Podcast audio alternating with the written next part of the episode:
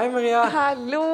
Velkommen til en ny episode med Helt ærlig-podkast. Tusen takk. Eller hvis det var meg du snakket til. Ja, deg og alle som hører på. Alle som vil høre.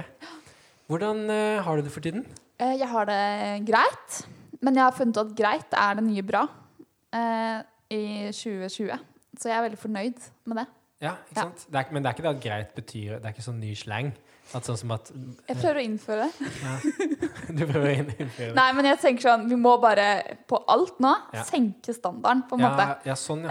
Eh, så før så var liksom bra, det var ok, det er godt nok svar. Nå det er ikke sånn som at liksom dum også. plutselig betyr bra. Nei, det er orker vi ikke. Nei, nei. Jeg tenker sånn, bare et hakk ned på hva som er liksom good enough. Men du er fornøyd, tenker jeg, med at du har flytta ut av hovedstaden. Ja, det var, eh, det var i, i grevens tid. Veldig fornøyd med det. Ja. Eh, Jeg forlot dere jo, alle dere i hovedstaden, Ja. eh, under den første store bølgen, som vi kaller, kaller det. Da tok du det drastiske steget å kjøpe leilighet En På- time utenfor byen. ja, Ja. på Hønefoss. I Hønefoss. Ja, en av de to. En av de to. Valgfri preposisjon. Oi. Ja, eh, hvor jeg kan trene. Treningssenteret mitt. Eh, og jeg på fredag skal jeg på fredagspils med mitt nye quizlag. Wow. Ja, veldig hyggelig. Ja. Og det er eh, Ja, jeg, nå har jeg vært på Tøyen igjen i ca. 24 timer. Det er annerledes. Det er veldig annerledes. Ja. Um, ja, jeg tror ikke Det er veldig Jeg er så utrolig glad for det. Eh, og, så, og hjemmekontoret har liksom Ja. Det begynner å på en måte Jeg går mye pysj. Er det sant? Eh, ja, jeg har faktisk på meg en pysj akkurat nå. Eh, fordi, vet du hva som skjedde i går? Jeg skulle ta bussen da, fra Hønefoss til Oslo. Eh, og så var jeg liksom nesten framme med bussen. Og så bare kom jeg på at shit, jeg har ikke på meg bh. Jeg har på meg pysj. og jeg hadde glemt å skifte eh, fra hjemmekontorantrekket mitt. Eh, Dette er veldig, veldig rart. ja, men det er sant. Eh, så jeg sitter her i pysjen min, men det er veldig deilig, da. Jeg sitter her i hjemmekontorantrekket mitt. Ja, For jeg må ha det nye Nordface eh, eh, Hipster fleece Ja, Får kanskje bare eie det. ja, Ja. det synes jeg. Nei, men Jeg må ha på meg klær, og jeg må Ja. føle at jeg går på jobb når jeg går på jobb. Hvis Ja, ikke men, så er, det men helt jeg har ut. bytta, jeg har kjøpt meg en ny pysj. Fordi jeg satt litt i den der utvaska pysjen med sånn der, sånn der snøfnugg på. Eh, som fikk av mormor for mange år siden. Men nå har jeg på meg en Jeg tror ikke jeg har hatt på meg pysj siden jeg, var, siden jeg gikk med pysj på skolen da jeg var inn da jeg var inn 14. sånn, flott. Vi kan jo spørre gjesten etterpå om det fortsatt er inn å gå med pysj på. Men jeg, men jeg må spørre deg, da. Hvordan går det? Det går greit med meg Ja. Men jeg, november er jo mørkere og lenger i år enn den har vært eh, noensinne. Sykt lang. Så jeg tenker vi får bare bite tenna sammen, og så er det snart jul. Det er det jeg tenker. Ja, ja. Ja. OK, er du klar? Ny episode. Ny episode, og i dag så får vi besøk av eh, Ella Fyn. Mm. Eh, Foreløpig altså podkastens yngste gjest. Ja. Mm. Eh, Ella er 15 eller 16. 16. 16 år. Jeg ser hvorfor henne nå. Mm, hun er det. Ja, der kom det en liten, det en liten kommentar fra Ella. Mm. Ja, 16 er viktig å få med seg. 16 er viktig å få med seg. Ja. Eh, Så nå må, vi, nå må vi inn i de unges eh, mindset. det må vi. Jo, vi må det. Tenker du at ditt mindset ikke er ondt? Eh, jeg tenker at, eh, at eh, 16-åringene anno 2020 Ja. eh, har ting å lære meg. Ja. Um, ja. Det, der tror jeg vi kan samles og få Ella eh, på banen. Velkommen tilbake til deg, Ella. Tusen takk, tusen takk. ja, tilbake. Fordi du har vært her før. Jeg har det. Ja. Fortell, fortell lytteren. Ja, jeg var jo med Kamzy. Ja. Det var vel under, på slutten av den. Det var rett før 17. mai. Ja. Eller vi hadde 17. mai-spesial. med Ja. Kamzy. Det var veldig gøy. varaordføreren i Oslo. Da satt du i den stolen der i hjørnet eh, og var liksom Kamzy sin sidekick. Fordi da, da hadde du skygga henne. Hun er da Jeg sa det nå nettopp. at Jeg sa det akkurat nå, ja. Mm, bare. Ja. Mm, men det kan godt gjenta. Eh, Jeg trenger det, da. Men, eh, og eh, da hadde du skygget henne hele dagen? Nei, jeg, hadde, jeg var, møtte henne på ettermiddagen, Ja. eh, og så ble jeg med hit. Mm. Den viktigste delen av jobben til Ja, en varaordfører. selvfølgelig. Mm, Men, men hvorfor det? Fordi det er jo hyggelig, da, å møte politikere. Og eh, hun er jo veldig opptatt av liksom, å lære, lære bort og eh, liksom, vise litt hvordan det er å være politiker. Så jeg har snakket en del med henne om liksom, hvordan det er å være offentlig og Eh, og hvordan liksom, det er å ha ansvar da, og liksom få en plattform. Eh, fordi jeg har jo fått en stor plattform til å snakke i forhold til alderen min, i hvert fall. Eh, og da må jeg også bruke den riktig og skjønne hvordan jeg bruker den. Eh, fordi det er ikke så mange 16-åringer som får de mulighetene jeg har, da, selv om flere burde fått det. Fett. Eh, og det er jo Jeg tror det er sikkert mange som husker, men da vi liksom for alvor hørte om deg for første gang, det var i eh, forbindelse med åt, like før 8. mars i 2019, hvor du og to venninner av deg skrev et eh, sideinnlegg i Aftenposten om eh, at metoo aldri har nådd eh, skolegården. Eh, det stemmer, ikke sant? Ja, det gjorde vi.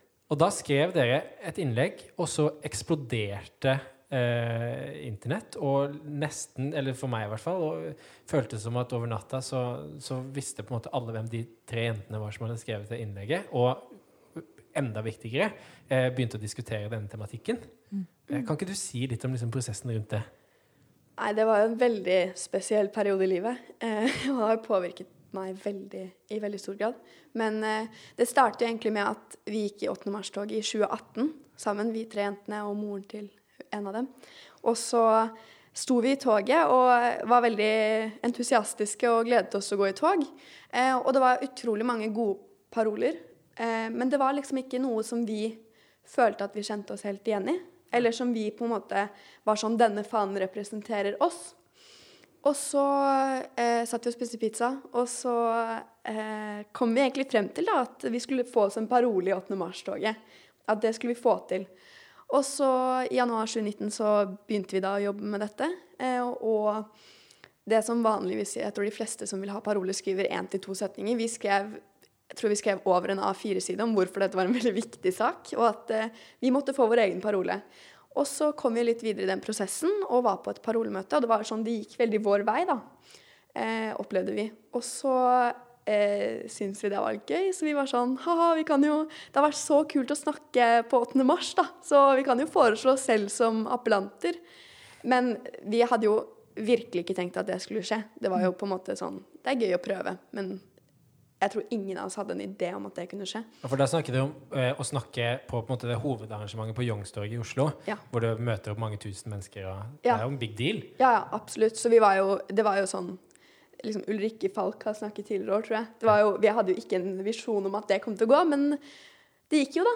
Og så fikk vi beskjed om at vi skulle det, og da hadde vi jo lyst til at folk skulle stille opp og gå bak vår parole og lytte til oss snakke om en tematikk som vi var veldig opptatt av. Eh, og så, i den sammenheng, så skrev vi et leserinnlegg, eh, og det var jo Blåste jo helt ut av propos Preposisjoner. 16 år. Håper ikke norsklæreren min hører på dette. um, ja, og så ble vi jo invitert på Stortinget og ble intervjuet av aviser og fikk veldig stor meddekning. Og så fikk vi jo mye reaksjoner eh, begge veier. Det var veldig interessant. Og det er jo fortsatt Vi får jo fortsatt liksom kommentarer om det, og folk som er helt sånn Hæ, er det deg? Er det liksom Ja, det er veldig spesielt.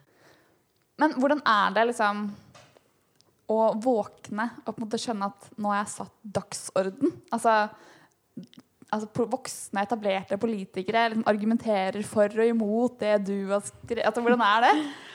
Eh, jeg vet ikke helt. Altså, den uken hvor det var på en måte størst mediedekning, eh, var jo veldig sånn surrealistisk. Eh, og jeg tror alle vi tre levde litt på en måte i en film. Det var liksom ikke Jeg følte meg ikke helt sånn til stede selv. og det var veldig sånn Det var så ett skjør at jeg tror ikke jeg hadde liksom tid til å reflektere over det, egentlig. Det var veldig sånn Jeg kom hjem, la meg, sto opp, og så var det en ny dag.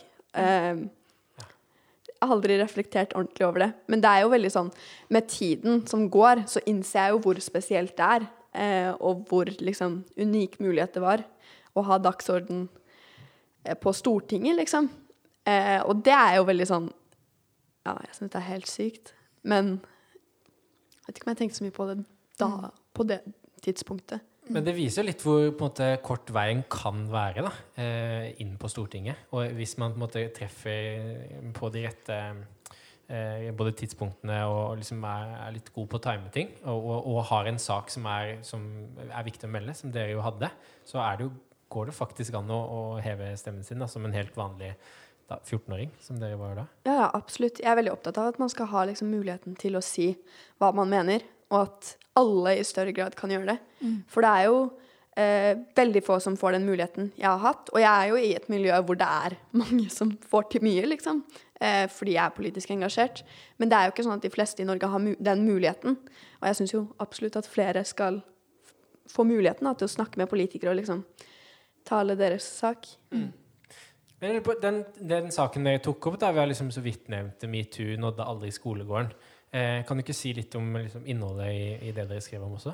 Ja, eh, vi varslet jo egentlig, eller fortalte om en ukultur i sko norske skolegårder, eh, hvor sexisme og sexistisk ordbruk og seksuell trakassering er veldig utbredt, eh, helt fra en veldig ung alder. Eh, og hvordan vi syns at nå er det på tide at folk tar ansvar, da. At lærere og politikere gjør noe.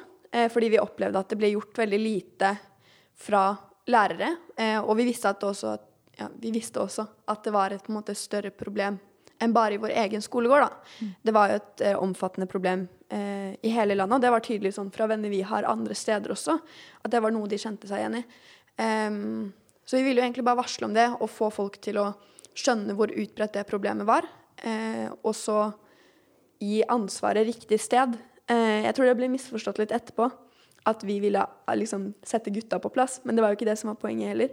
Poenget var jo at lærerne må begynne å bryte inn, og at eh, politikerne må ta ansvar og styrke seksualitetsundervisningen, blant Mm. annet. Maria og jeg snakka litt om det uh, før du kom. Ja. Vi tenker jo egentlig at vi er litt sånn uh, like gamle. Sånn, at vi er sånn samme generasjon og, og sånn. Men det, det er nok da noe som Når jeg er 27, da eh, Jeg blir 28 på søndag, faktisk. Wow. Gratulerer med dagen. Takk for det. takk for det. Men eh, når jeg er 27 og du er 16, da det er, det er jo en, en, en avstand der. Og for da jeg gikk på skolen, så hadde jo ikke eh, Sosiale medier var ikke en stor del av, av skolehverdagen, f.eks. Eh, jeg hadde Facebook, men, eller fikk det etter hvert, men, men liksom Snapchat og Insta og den, de, de, de daglige oppdateringene var jo ikke snakk om. Eh, og jeg kan ikke heller huske liksom at folk var jo sikkert slemme mot, mot hverandre, men det, det det er liksom litt fjernt, i hvert fall fra det livet jeg lever nå. da, At folk liksom slenger dritt til hverandre osv. Det, er jo ikke- det er jo ikke det eh, folk gjør.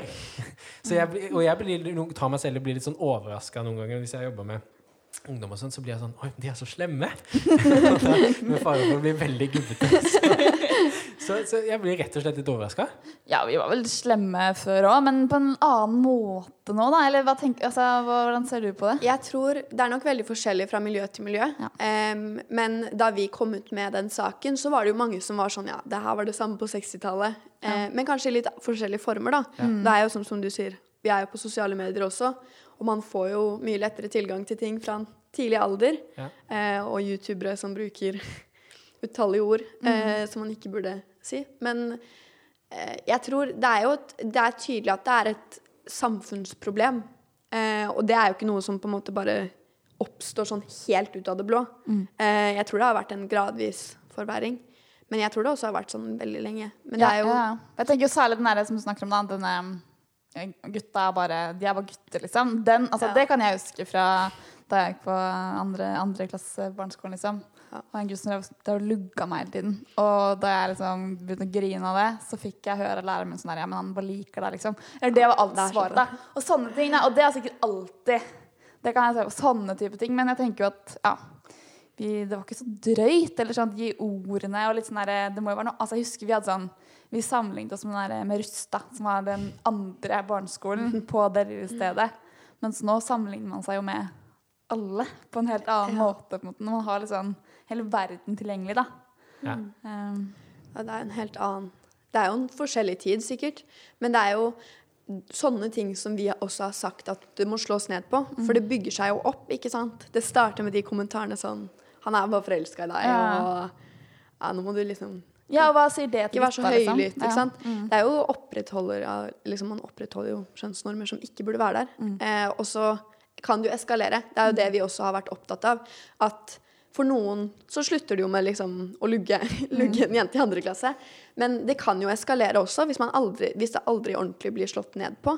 At det er liksom ofte jentene, da, men også gutter som må på en måte tilpasse seg situasjonen. Og sånn skal det jo ikke være.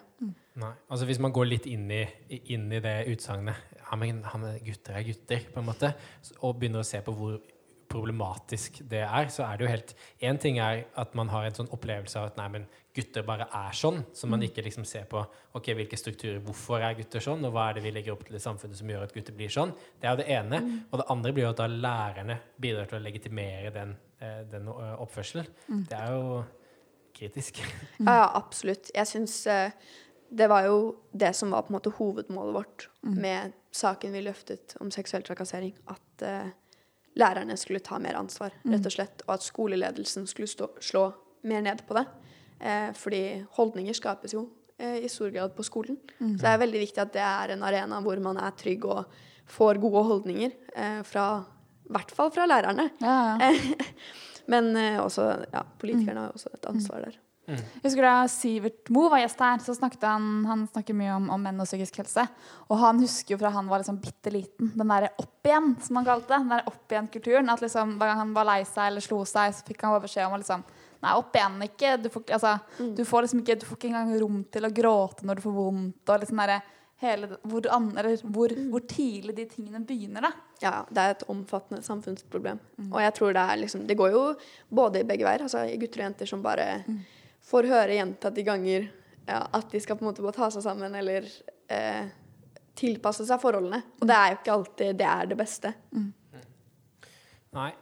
Og så eh, Og så har jo vi eh, fått med oss også at eh, det At du er kåret til led 30 un, Hva heter det for noe? 30. 30 under 30, Ja. som D2, eh, Dagens Næringsliv, eh, har hvert år. Hvor de liksom kårer 30 unge lederstjerner. Og du er en av de. Ja. Hvordan, eh, hvordan opplevdes det? Ringte de? Hva, hvordan eh, fikk du beskjeden? Jeg var på hyttetur med åtte andre jenter. da ringte de, og så var jeg Jeg ble jo helt over. Jeg var sånn Hva? Så gøy. Uh, ja, jeg ble veldig overrasket. Jeg syntes det var utrolig gøy. Og uh, skjønte ikke helt først hva det var, og så på en måte ja, Jeg ble jo utrolig glad for det. Det var liksom en stor anerkjennelse å få. Og det er det absolutt. Altså den lista. Eh, gå inn på nettet og sjekk det. Det er en eh, kul squad å være en eh, del av. Ja, absolutt. Gøy. Eh, og så har du også vært nominert til Skamløsprisen til Sex og Samfunn. Eh, og særlig liksom ditt arbeid for eh, seksualundervisning. Ja. Hvor, eh, altså, fortell om det. Altså, hva er det seksualundervisningsferden liksom, din? Hva er, det du, hva er det du har stelt ut stand? Fått i gang? Ja, eh, det startet vel egentlig med eh, metoo i skolegården, eller kampen mot seksuell trakassering. Vi trakk fram det som et viktig tiltak som politikerne kunne gjøre. Det er jo forsket alt for lite på, så man vet jo ikke helt sikkert hva som vil funke best. Men det er jo et ganske logisk utgangspunkt. eh, å få seksualitetsundervisning fra en ung alder. Em, og så har jeg jobbet en del i Barneombudet, eh, og i fjor så hadde vi et prosjekt om eh, trygg digital hverdag.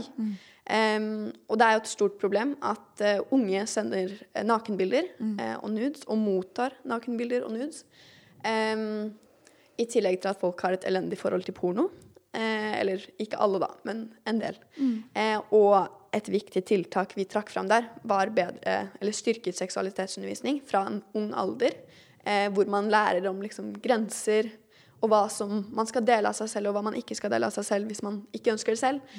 Em, og slike ting. Eh, og så var jeg med eh, til Brussel på en konferanse med europeisk ungdom. Og så fikk jeg gjennom det. Og så ble det til en anbefaling til europeiske barneombud og myndigheter.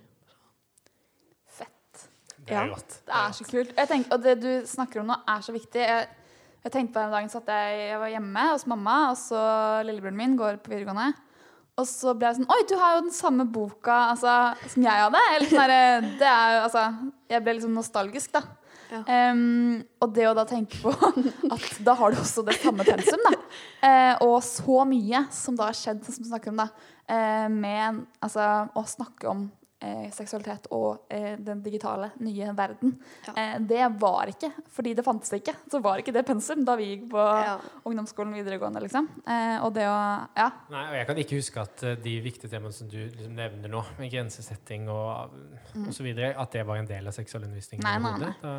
Nei, det er jo, jeg har jo den nye læreplanen nå. Jeg mm. første eh, første klasse videregående som har Ja. den nye læreplanen.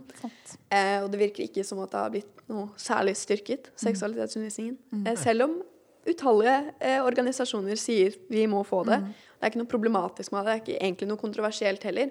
Jeg tror bare mange politikere tenker sex, og så blir de sånn Ja. Hvis du vi touche». kunne kommet inn som vikarlærer og hatt en, en time, Ja. hva, ville du, hva, hva skulle dere gått gjennom? Grenser. Mm. Hva som er greit. Vi holdt et foredrag nå 8. mars i år, rett før nedstenging, så holdt vi foredrag på en skole i Sunnmøre. Eh, og da snakket vi om det. At eh, hva er det egentlig Hvorfor kaller vi hverandre så stygge ting? Og hva er det egentlig som er liksom innafor å si? Det er jo egentlig ekstremt, hvis man ser det utenfra, hva som er greit å snakke om på vegne av andre. Ja, det er det jeg mener. da. Det er der jeg føler meg litt sånn gubbete igjen. Fordi jeg blir sånn overraska av å høre sånn Hæ? Sa du at, uh, at uh, hun var en hore? Er det greit, liksom? Ja, det er jo absurd. Det er jo, det er jo veldig Det er rart at, at Ja, det får passere, da. Absolutt. Men jeg tror, jeg tror alle er med på å opprettholde den kulturen. Jeg tror også at jeg på en måte har et ansvar der. Det er jo sånn eh, Jeg har skrevet litt om det med noen venner nå. Eh, med at liksom seksualiteten til folk blir behandlet som allemannseie.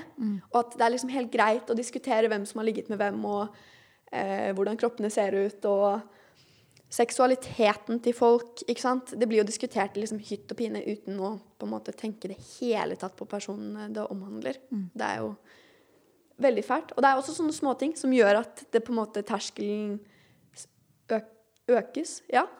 ja. Eh, for hva som er greit. Mm. Ja, det blir Ja. Ja, Så mer og mer blir greit. Måtte Ja, ja. godtatt som en del av bare dagligtalen. ja.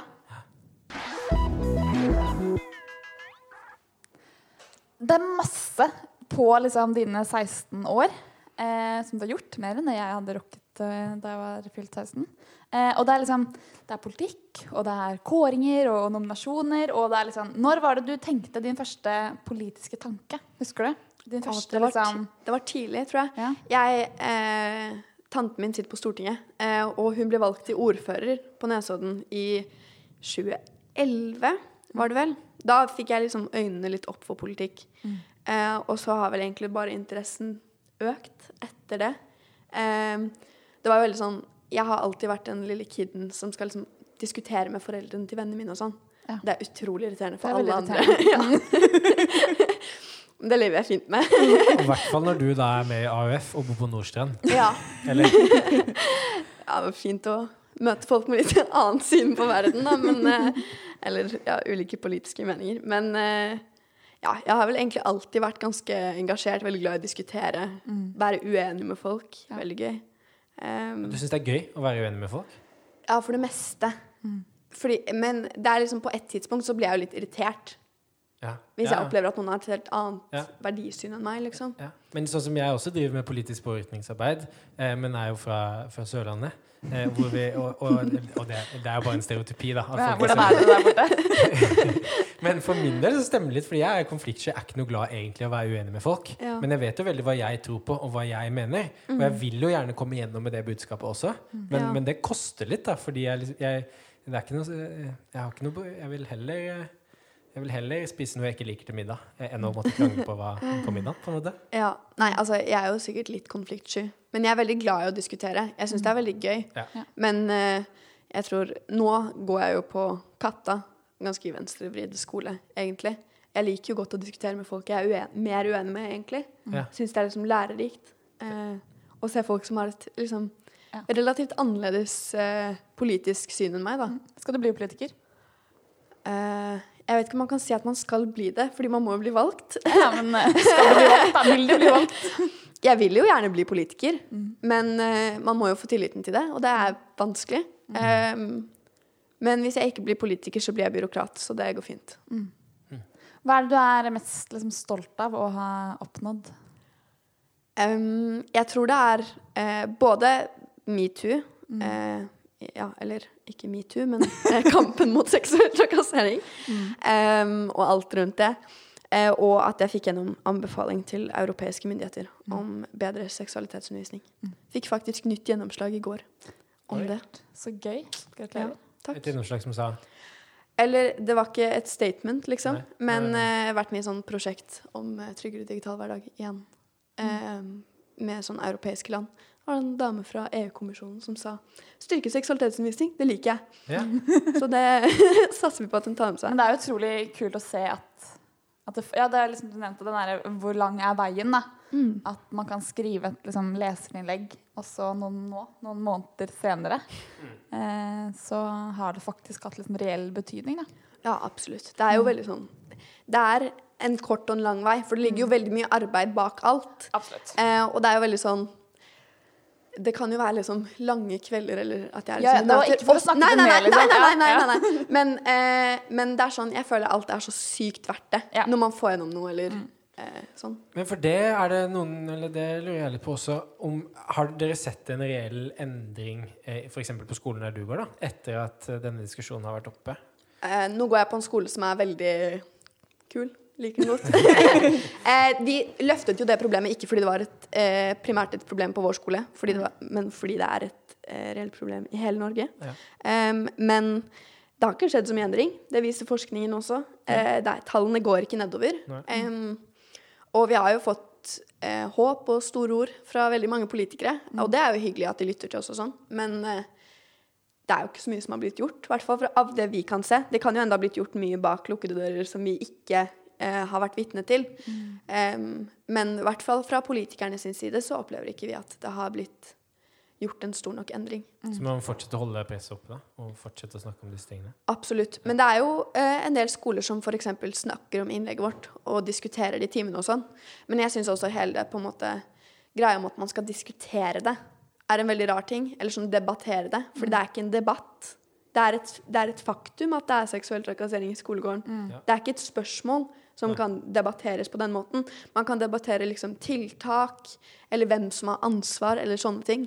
Men det at det har liksom blitt sett på som en debatt Ja, liksom, en er, du for eller mot eh, dere ja, skriver? på eller er, snakker de sant eller ikke? Mm. Det er irrelevant egentlig litt hva vi sier. Forskningen er klar. liksom. Mm. Ungdataundersøkelsen 2020 kom med nye tall. Det er liksom Det er jo skremmende høyt. Jeg, sy- jeg føler du klarte å oppsummere egentlig hele metoo-fenomenet liksom, eh, fenomenet ganske godt nå. Liksom at, man, at debatten ofte havner på feil sted. Da. Ja, absolutt. Um. Det er jo det er en veldig rar ting at man skal debattere om det skjer eller ikke. Mm. For vi vet at det skjer. Og det er heller ikke sånn at det å varsle er et angrep på noen i seg selv. Mm. Eh, eller det kan jo være det hvis du kommer med en varsling om at liksom den skuespilleren har seksuelt trakassert meg. Mm. Men eh, det er jo et angrep på en ukultur. Mm. Eh, ikke enkeltpersoner. I hvert fall den saken vi løftet. Det er liksom et, vi løftet jo den saken for å få en endring i alle skolegårder, ikke bare vår egen. Ja, og det er noe man faktisk, det har vi snakket om med mange tematikker her, om, eh, om rasisme, om, altså, om mange ting. Da, at man, man må faktisk tørre å innrømme at man må se på det på et strukturelt nivå. Da, og ikke bare sånne anekdoter, enkelthendelser, Ja, eh, og da også enkeltpersoner, men faktisk tørre å, å innrømme at det er større enn det. Da. Ja, absolutt. Og det er jo sånn Det er ikke, det er ikke alle gutter som har sagt eh, hore, eller alle jenter som også gjør det. Jenter er også ille når det kommer til det. Men det er jo det at vi alle er med på å opprettholde det på hvert vårt vis. Em, til og med jeg, liksom, som har liksom stått på barrikadene og ropt at eh, nå må vi liksom Jeg går på skole, ikke kall meg hore. Men jeg er jo med, jeg er jo med på å opprettholde den kulturen, jeg også. Ved å liksom Ikke ved å si hore, men ved å liksom være ungdom i et samfunn hvor vi aksepterer det. Altså, dette er jo interessant det med hvor, hvor, hvor debatten ligger, og at man diskuterer de, de riktige tingene. Og en annen eh, politisk sak der man ofte har diskutert eh, skjer det eller skjer det ikke, det er med klimaendringene. Og man har diskutert det eh, etter min mening altfor lenge, og diskuterer det helt feil ting, istedenfor å liksom, eh, bare høre litt mer på forskerne og slå fast at liksom, dette er faktum, og hva har vi tenkt å gjøre med det? Eh, og diskutere løsningene i stedet. Ja. Eh, det har vi jo heldigvis blitt flinkere til nå de siste årene, å, å se mer på, på løsningene. Men det er også en sak som du vet jeg har, har engasjert deg i. Og også fra en sånn eh, fra en inngang der eh, For du brenner for likestilling, og du brenner for at alle skal ha like muligheter, og at dette er helt nødvendig for at vi f.eks. skal klare å løse klimakrisa. Eh, kan ikke du si litt om eh, tanken bak det? Eh, jeg sa jo det i det D2-intervjuet i sommer, at eh, hvis vi skal klare å løse klimakrisa, krisa, så må vi først være likestilte. Eh, det er jo litt satt på spissen, men jeg tror egentlig virkelig det. At det er så mange, særlig kvinner i dag, som ikke har utdanning, f.eks. Selv om det begynner å bli bedre, så er det mange som ikke har den muligheten og får utviklet sitt potensial. De får ikke liksom studert det de vil, eh, eller jobbe med det de vil. Og det er problematisk, for det er sikkert ekstremt mange kvinner der ute, i mange u-land f.eks., som kunne bidratt til å løse klimakrisa og kommet med eh, ny teknologi og innovasjoner, men som ikke får muligheten til det. Um, og så tror jeg også at det hadde vært mye lettere hvis alle på en måte kunne bidra. Ja, egentlig. At man på et liksom personlig nivå også hadde muligheten til det. Ja. Da må man jo også ha like muligheter eh, økonomisk, f.eks. For eksempel. Fordi liksom, Norge, eksempel, så kan vi jo gjøre utrolig mye. Det er jo f.eks. sykt mange elbiler fordi vi har råd til det. Men i u-land så har man jo ikke råd til det. Så Sant? Og jeg syns du oppsummerte det egentlig fint også i det D2-intervjuet, hvor du sier at du har mye større sannsynlighet for å lykkes hvis du har hele verden i ryggen, enn en halvparten av verdens befolkning i ryggen. ja. Eh, ja. Absolutt. Det er jo eh, satt på spissen at, at halvparten av befolkningen ikke kan bidra i dag. Men eh, i mange steder i verden så er det jo sånn. Eh, og eh, vi må på en måte ha en viss levestandard før vi skal begynne å kutte. Eller i hvert fall så må vi øke levestandarden i andre land samtidig som vi senker vårt forbruk, for eksempel. Eh, fordi vi kan ikke liksom bare kutte og så ikke hjelpe de landene som faktisk trenger utvikling, da. Mm. Eh, som også ofte står for klimagassutslipp. Så da må vi i hvert fall kutte. Hva tenker du om akkurat det? At uh, altså, du som er liksom den, den nye oppvoksende, den store massepotensialet i deres generasjon, om dette med å liksom måtte kutte egne, altså eget forbruk, da. At liksom jeg husker, så en, jeg husker ikke hvem det var engang, som hadde en sånn debatt hvor det var snakk om dette med at vi må fly mindre, bla, bla, bla. Og så var det liksom en som var sånn Ja, men skal vi, skal vi på en måte frata den oppvoksende generasjonen å leve sånn som vi har levd, da? Og som et argument for at vi er nødt til å en opprettholde en del ting. Eh, hvordan tenker du det? Å liksom vokse opp nå eh, og være en av den, eller være liksom den generasjonen som nå må ta konsekvensene. Ja. Eh, jeg tror vi må på en måte bare anerkjenne at vi kan ikke leve det livet vi lever nå. Eh, men det betyr jo ikke at det kommer til å bli så mye kjipere, liksom. Jeg tror eh, det er veldig sånn F.eks. med avvikling av oljeindustrien, da. Så er det veldig sånn Ja, men da blir Norge fattig. Men det er jo, man må jo erstatte den. Det er jo ikke snakk om at sånn Ja, vi kutter oljeindustrien, og så gjør vi ikke noe for å tjene de pengene inn. Men det får man ofte inntrykk av i debatten, så det er jo noen som sitter Ja. med makt som med ville vil opprettholde det bildet. da. Ja, men jeg tror mange politikere er litt for dårlige til å komme med alternativer. Mm. fordi jeg tror ikke vi får gjennom å avvikle norsk oljeindustri før vi har et alternativ til økonomien. Fordi oljen har jo vært veldig viktig for å bygge opp den norske velferdsstaten, mm. og er fortsatt en viktig inntektskilde. Ja. Eh, men jeg tror ikke den er nødvendig hvis vi satser på andre næringer isteden. Tror jeg, tror mange, ja, mange er liksom komfortable, da. Og det tenker jeg sånn, i hvert fall de som er på en måte over 50, kanskje. At man liksom Det er litt terk og styrte å skulle på en måte snu om på måten å leve på. Da, da er det lett å på en måte si at, Ja. at dere unge fortjener det samme livet som de har levd, men det er ikke sikkert at det er nødvendigvis Men vi får jo sånn. ikke det samme livet de har levd. ikke Nei. sant? Det er det som er problemet. Klimaendringene kommer til å påvirke oss, liksom. Hvis Golfstrømmen snur, så er vi ja, altså skjeletter, holdt jeg på å si. Eller sånn. er, Hva, ja, hva er det du tenker at, um, at din generasjon har skjønt, som ikke de voksne har skjønt? mm, altså, alle bidrag monner jo. Jeg tror mange er sånn, For eksempel så er det veldig mange politikere etter mitt inntrykk, særlig over 50, som sier sånn Ja, men Norge er lite, og vi får ikke gjort så mye med våre utslipp, og liksom, det har ikke så mye å si i verdensbildet. Men sånn, Norge er et av verdens mest rike land, et av verdens mest likestilte land. Vi har de beste forutsetningene for å gjøre noe, liksom. Og så er vi sånn Ja, men det monner ikke. Men det gjør jo det, fordi vi viser at liksom vi har muligheten til å kutte. Eh, og vi, ja, det, hvorfor skal et land som liksom et u-land eh, måtte kutte utslippene sine når vi står her med liksom lommene fulle av penger og Ja, jeg vet ikke. Altså, jeg tror vi må på en måte alle ta et ansvar, da. Og Norge er jo en få, et foregangsland for mange andre nasjoner.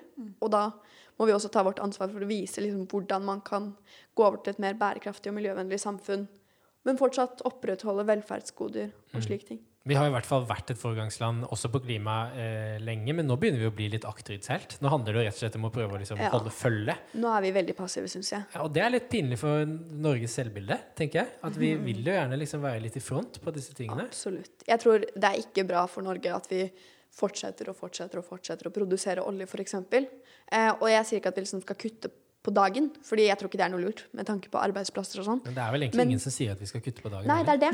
Det er, det er også et inntrykk debatten har skapt. Ja, ja. Men, eh, men det er liksom Ja, man må jo ha en overgangsfase. Man må ha en liksom- plan. Man må ha en plan. Men da må man jo lage den planen. Ikke bare si sånn Ja, ja. Vi må ha en plan. Vi må Ja, det er mye handlingsplaner i politikken, absolutt. Eh, nei, jeg syns jo personlig at vi kan liksom satse på fiskenæring Ja. og sånne ting, Ja. eh, som også er fremtiden. Ja. Lavere klimagassutslipp. Ja. Ikke sant? Jeg tror vi må på en måte slutte å være så sykt kresne på alternative inntektsmetoder. Fordi sånn Jeg skjønner jo at vi kan ikke liksom bare begynne med sånne helt syke ting for å tjene penger, men eh, jeg tror vi er litt for skeptiske til hva som skal erstatte oljen. Eh, Ja, og så tenker jeg mange Altså, den jobben jeg har nå, da, den fantes ikke for ti år siden. Altså, veldig mange nå har jobber som er nye, da. Altså, ikke, altså, som man har liksom nå kommet opp med, med ny teknologi og sant, med nye muligheter. Eh, og det er rart å tenke at, at det ikke kommer til å være mulig også fremover. da, Å finne nye jobber som ikke har vært aktuelle før. Absolutt. Men jeg tror det er mye sånn Jeg kan ikke så mye om det, da, men i oljeindustrien og sånn, så er det jo mye av den kompetansen som er der, og kunnskapen de arbeiderne har, kan jo brukes på andre felt eh, og til andre ting. Eh, og jeg tror man må på en måte innse at man må bruke de ressursene vi har, eh, ikke i form av olje, men i form av kunnskap, til å liksom få en grønn omstilling. På tampen av episoden her så må vi også bare Altså, vi spiller inn denne episoden nå onsdag 25. november. Og det er, skal vi se om jeg klarer å si det riktig, den internasjonale dagen for avskaffelse av vold mot kvinner. Der er det mange preposisjoner som skal på Ja. riktig plass. Eh, men det er det, og den, eh, den dagen sparker i gang en internasjonal kampanje som heter 16 Days of Activism, som er en eh, kampanje initiert av FN, som går da fra i dag og i 16 dager fram til eh, 10. desember, som er den internasjonale dagen for eh, menneskerett, Menneskerettigheter. menneskerettigheter. Eh, som da også knytter eh, kvinners rettigheter opp mot menneskerettigheter, som det jo er. Og som oppfordrer til aktivisme rundt omkring i, i hele verden. Ja. Og i år så er det da fokus på vold mot kvinner, eh, og også spesielt i lys av koronapandemien. Det er jo liksom statistikk fra mange land, og også fra Norge, at, eh, at eh, vold mot kvinner og barn øker eh, under altså lockdown. Mm. Vi er mer hjemme. Det er mer fysiske lukkede dører. Vi ser liksom ikke hva som eh, foregår. Mm.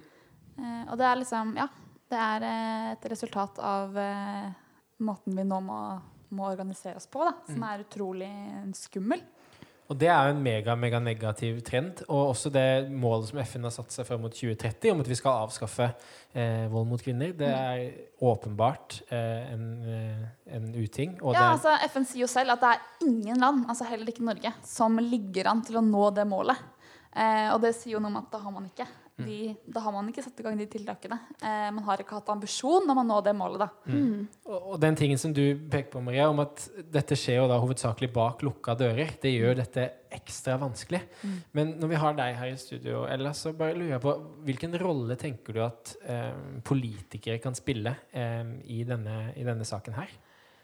Jeg tror eh, Det er jo et veldig vanskelig spørsmål, men jeg tror hvis man skal tenke veldig langsiktig eh, Da vil man jo ikke nå det innen 2030. Men eh, her er jo også sånn seksualitetsundervisning eksempel veldig viktig.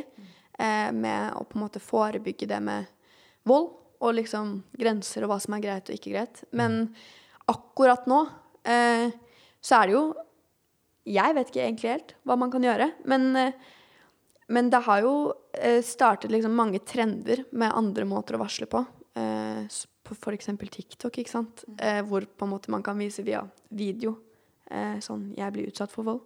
Men eh, jeg tror at fagfolk og politikere må samarbeide, for det er et veldig vanskelig spørsmål. Ja. Ja.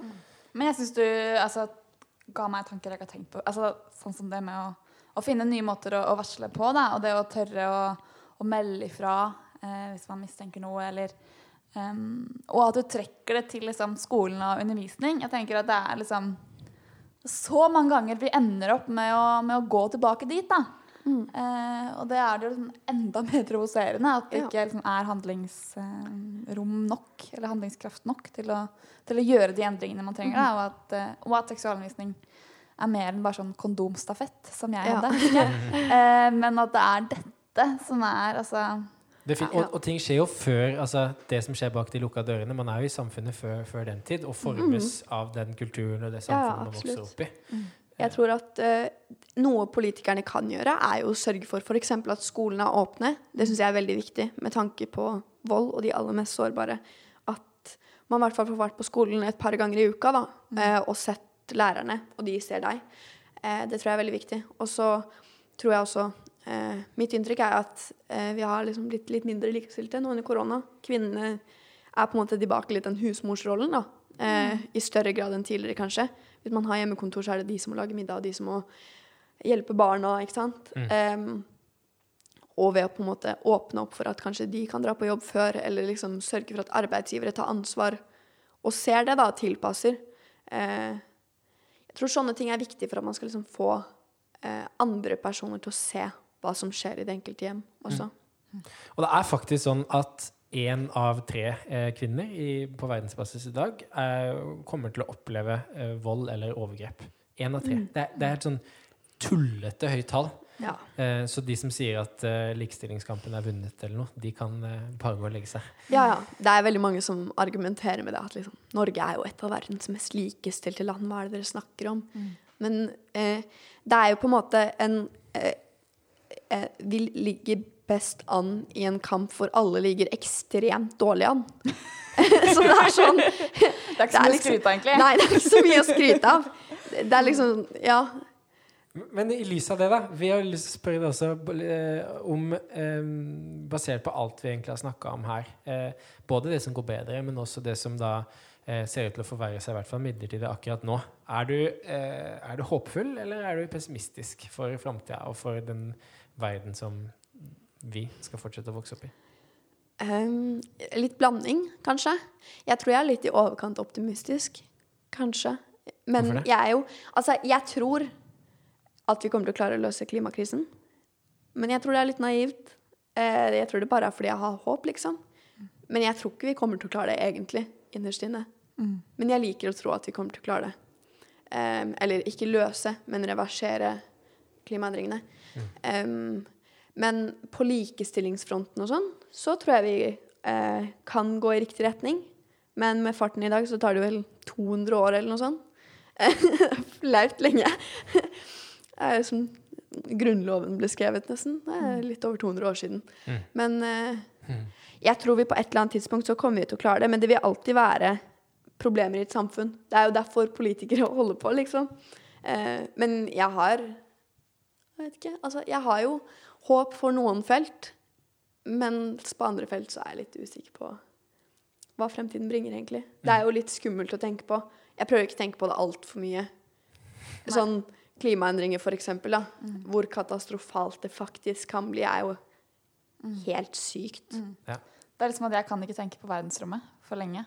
Oh. Eh, fordi det blir for svært, og jeg føler meg så liten. Og det er også litt det her at man møter på en sånn ja, litt sånn eksistensiell angst da, når man graver seg inn i det. Men jeg kjenner jeg blir glad av å høre at du, at du kanskje er litt naivt og optimistisk. Da. Da tenker jeg ja, takk for at, dere, at, du, at du liksom føler på det. Da. Hvis ikke Ja. så Ja, jeg, jeg tror vi trenger det. Og jeg har ikke At, lyst til eh, å gå med på premisset ditt om at det er naivt å være håpfull. Nei, nei, nei. Men, at, det- men det ligger mye i det. da Jeg tenker Det ligger veldig mye, mye pågangsmot i å Jeg tenker det, Vi må ta tilbake koronagift. Jeg tror det er Ja. bra. Ja. Og liksom sånn, ha en sånn idealistisk tro på at det må jo gå. Ja. Ja, Eh, men jeg tror, ja. jeg tror det må liksom Det er jo litt naivt å være positiv for klimaet når det kommer til klimaendringer.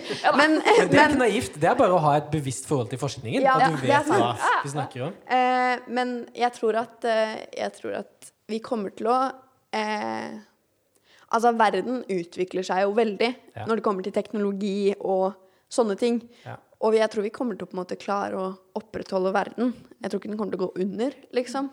Men jeg tror ikke vi kommer til å på en måte nå de målene vi har satt nå. Eh, og vi kommer nok til å på en måte måtte leve på en litt annen måte. At ekstremvær blir normalen, f.eks. Mm. Men det er veldig skummelt. Det er sånn som verdensrommet er veldig skummelt å tenke på. Men jeg, jeg syns det er mer naivt å tenke at vi kan leve på akkurat samme måte, eller fortsette i den samme gamle tralten, eh, og, og f- eh, forkle det som ansvarlig økonomisk styring, heller heller enn å faktisk ta kampen, da. Ja. Eh, så Det er jo ikke ansvarlig økonomisk styring, fordi det kommer jo ikke til å eh, være gunstig i det lange løp. Eh, det er det som er. Det kommer til å koste sinnssykt mye penger når vi bare skal må omstille oss på dagen, på en måte. Fordi at eh, vi har utsatt og utsatt og utsatt. Og det er ikke bra, for da synker levestandarden, og folk får det mye verre.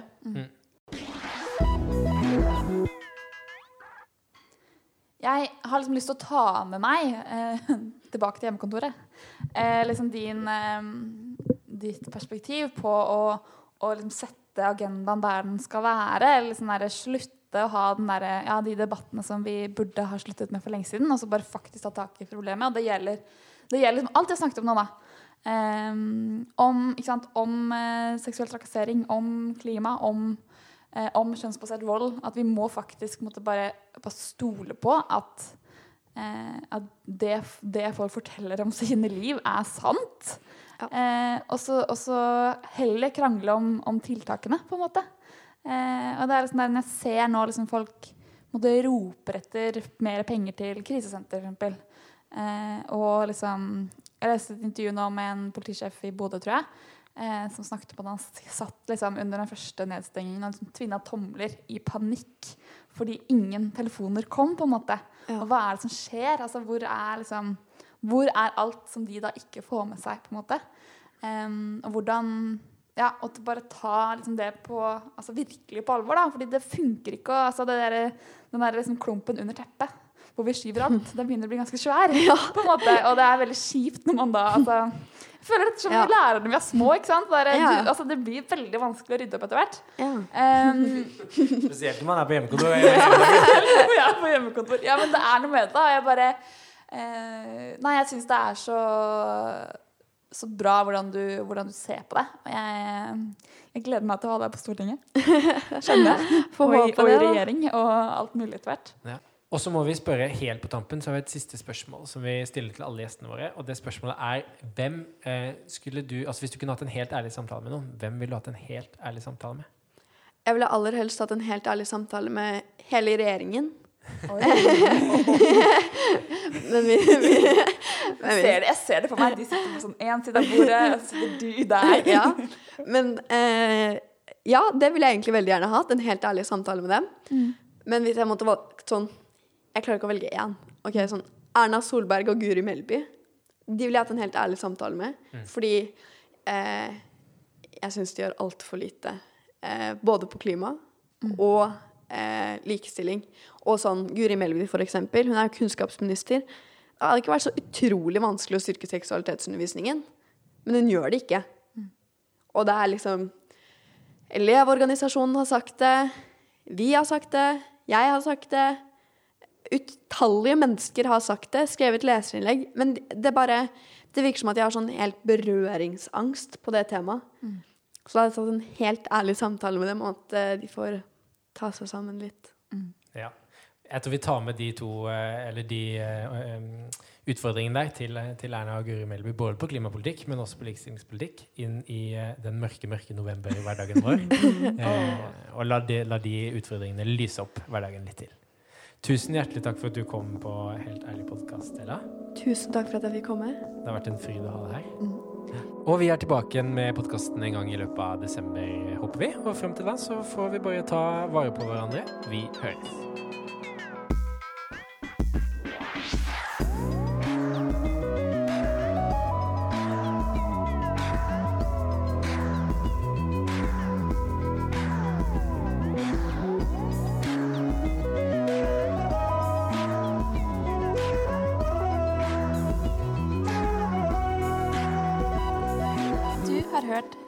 Helt ærlig pod. Musikk av Øyvind Skjærdal, produsert av Ingrid Elise Sigmundstad for KFK KFM Norge.